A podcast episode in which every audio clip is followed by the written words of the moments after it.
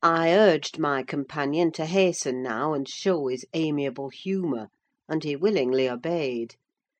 But ill luck would have it that as he opened the door leading from the kitchen on one side, Hindley opened it on the other.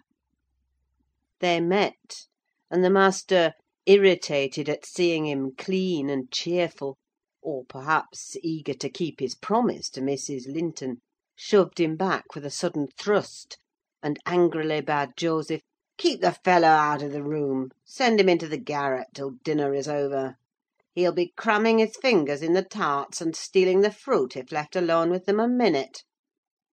"Nay, sir," I could not avoid answering, "he'll touch nothing, not he; and I suppose he must have his share of the dainties as well as we." "He shall have a share of my hand, if I catch him downstairs till dark!" cried Hindley. "Begone, you vagabond!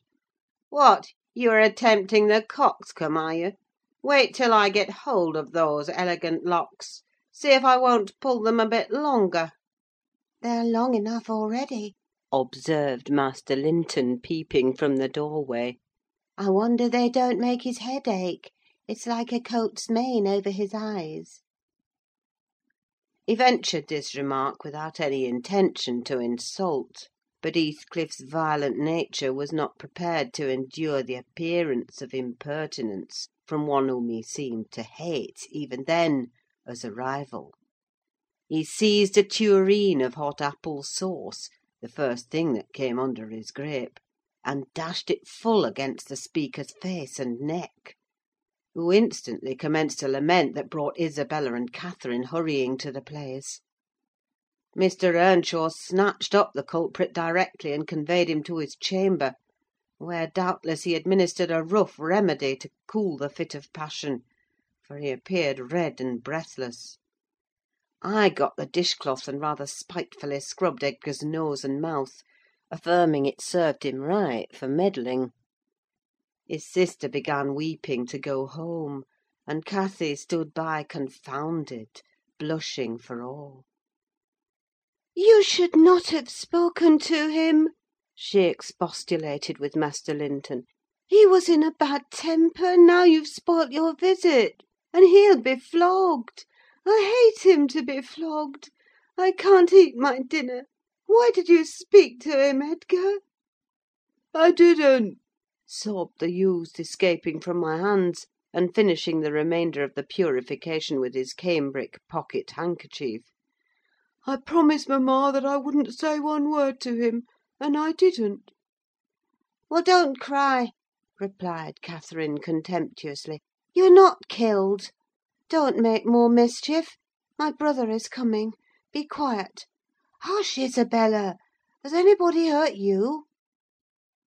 "There, there, children, to your seats!" cried Hindley, bustling in. "That brute of a lad has warmed me nicely. Next time, Master Edgar, take the law into your own fists: it will give you an appetite." The little party recovered its equanimity at sight of the fragrant feast. They were hungry after their ride, and easily consoled, since no real harm had befallen them. Mr. Earnshaw carved bountiful platefuls, and the mistress made them merry with lively talk. I waited behind her chair, and was pained to behold Catherine, with dry eyes and an indifferent air, commence cutting up the wing of a goose before her. An unfeeling child, I thought to myself. How lightly she dismisses her old playmate's troubles! I could not have imagined her to be so selfish. She lifted a mouthful to her lips; then she set it down again, her cheeks flushed, and the tears gushed over them. She slipped her fork to the floor, and hastily dived under the cloth to conceal her emotion. I did not call her unfeeling long; for I perceived she was in purgatory throughout the day, and wearying to find an opportunity of getting by herself, or paying a visit to Heathcliff, who had been locked up by the master, as I discovered on endeavouring to introduce to him a private mess of victuals. In the evening we had a dance, Cathy begged that he might be liberated then, as Isabella Linton had no partner. Her entreaties were vain, and I was appointed to supply the deficiency. We got rid of all gloom in the excitement of the exercise, and our pleasure was increased by the arrival of the Gimmerton band, mustering fifteen strong: a trumpet, a trombone, clarionets, bassoons, French horns, and a bass viol, besides singers. They go the rounds of all the respectable houses, and receive contributions every Christmas; and we esteemed it a first rate treat to hear them. After the usual carols had been sung, we set them to songs and glees. Mrs. Earnshaw loved the music, and so they gave us plenty. Catherine loved it too, but she said it sounded sweetest at the top of the steps, and she went up in the dark. I followed. They shut the house door below, never noting our absence, it was so full of people. She made no stay at the stairs' head, but mounted farther, to the garret where Heathcliff was confined, and called him. He stubbornly declined answering for a while. She persevered, and finally persuaded him to hold communion with her through the boards. I let the poor things converse unmolested, till I supposed the songs were going to cease, and the singers to get some refreshment; then I clambered up the ladder to warn her. Instead of finding her outside, I heard her voice within. The little monkey had crept by the skylight of one garret, along the roof, into the skylight of the other; and it was with the utmost difficulty I could coax her out again. When she did come, Heathcliff came with her, and she insisted that I should take him into the kitchen, as my fellow servant had gone to a neighbour's, to be removed from the sound of our devil's psalmody, as it pleased him to call it.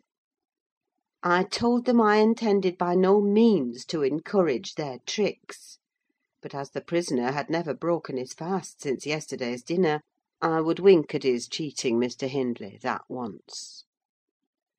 He went down: I set him a stool by the fire, and offered him a quantity of good things; but he was sick, and could eat little, and my attempts to entertain him were thrown away. He leant his two elbows on his knees, and his chin on his hands, and remained wrapped in dumb meditation. On my inquiring the subject of his thoughts, he answered gravely, "I'm trying to settle how I shall pay Hindley back. I don't care how long I wait, if I can only do it at last. I hope he will not die before I do." "For shame, Heathcliff!" said I. "It is for God to punish wicked people: we should learn to forgive."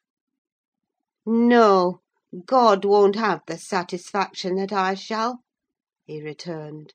I only wish I knew the best way. Let me alone, and I'll plan it out: while I'm thinking of that, I don't feel pain." "But, Mr. Lockwood, I forget these tales cannot divert you.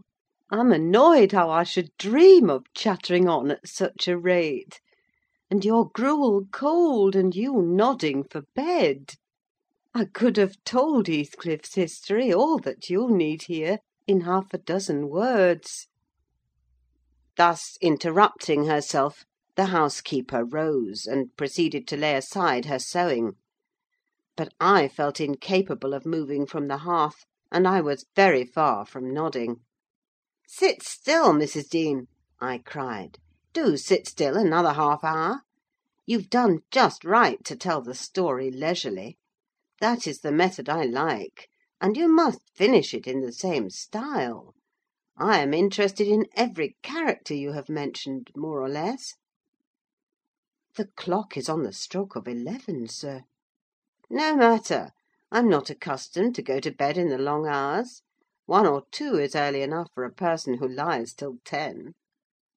"You shouldn't lie till ten. There's the very prime of the morning gone long before that time.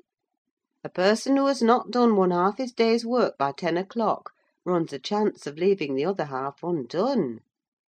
Nevertheless, Mrs. Dean, resume your chair; because to morrow I intend lengthening the night till afternoon. I prognosticate for myself an obstinate cold, at least." "I hope not, sir. Well, you must allow me to leap over some three years. During that space, Mrs. Earnshaw—" "No, no! I'll allow nothing of the sort. Are you acquainted with the mood of mind in which, if you were seated alone, and the cat licking its kitten on the rug before you, you would watch the operation so intently that Pussy's neglect of one ear would put you seriously out of temper?" "A terribly lazy mood, I should say." "On the contrary, a tiresomely active one. It is mine at present; and, therefore, continue minutely. I perceive that people in these regions acquire over people in towns the value that a spider in a dungeon does over a spider in a cottage, to their various occupants. And yet the deepened attraction is not entirely owing to the situation of the looker on. They do live more in earnest, more in themselves, and less in surface, change, and frivolous external things. I could fancy a love for life here almost possible; and I was a fixed unbeliever in any love of a year's standing. One state resembles setting a hungry man down to a single dish, on which he may concentrate his entire appetite, and do it justice; the other introducing him to a table laid out by French cooks. He can perhaps extract as much enjoyment from the whole, but each part is a mere atom in his regard and remembrance."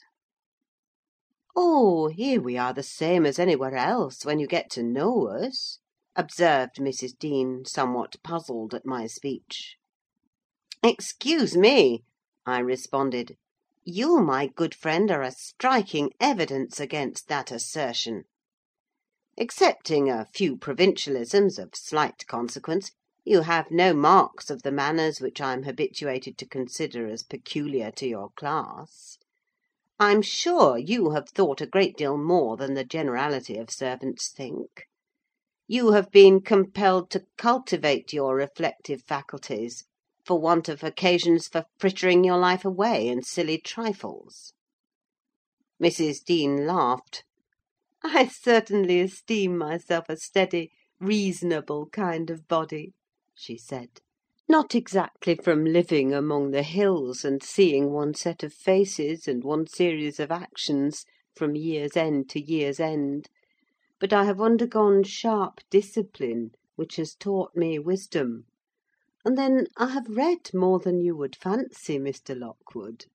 You could not open a book in this library that I have not looked into, and got something out of also; unless it be that range of Greek and Latin, and that of French; and those I know one from another.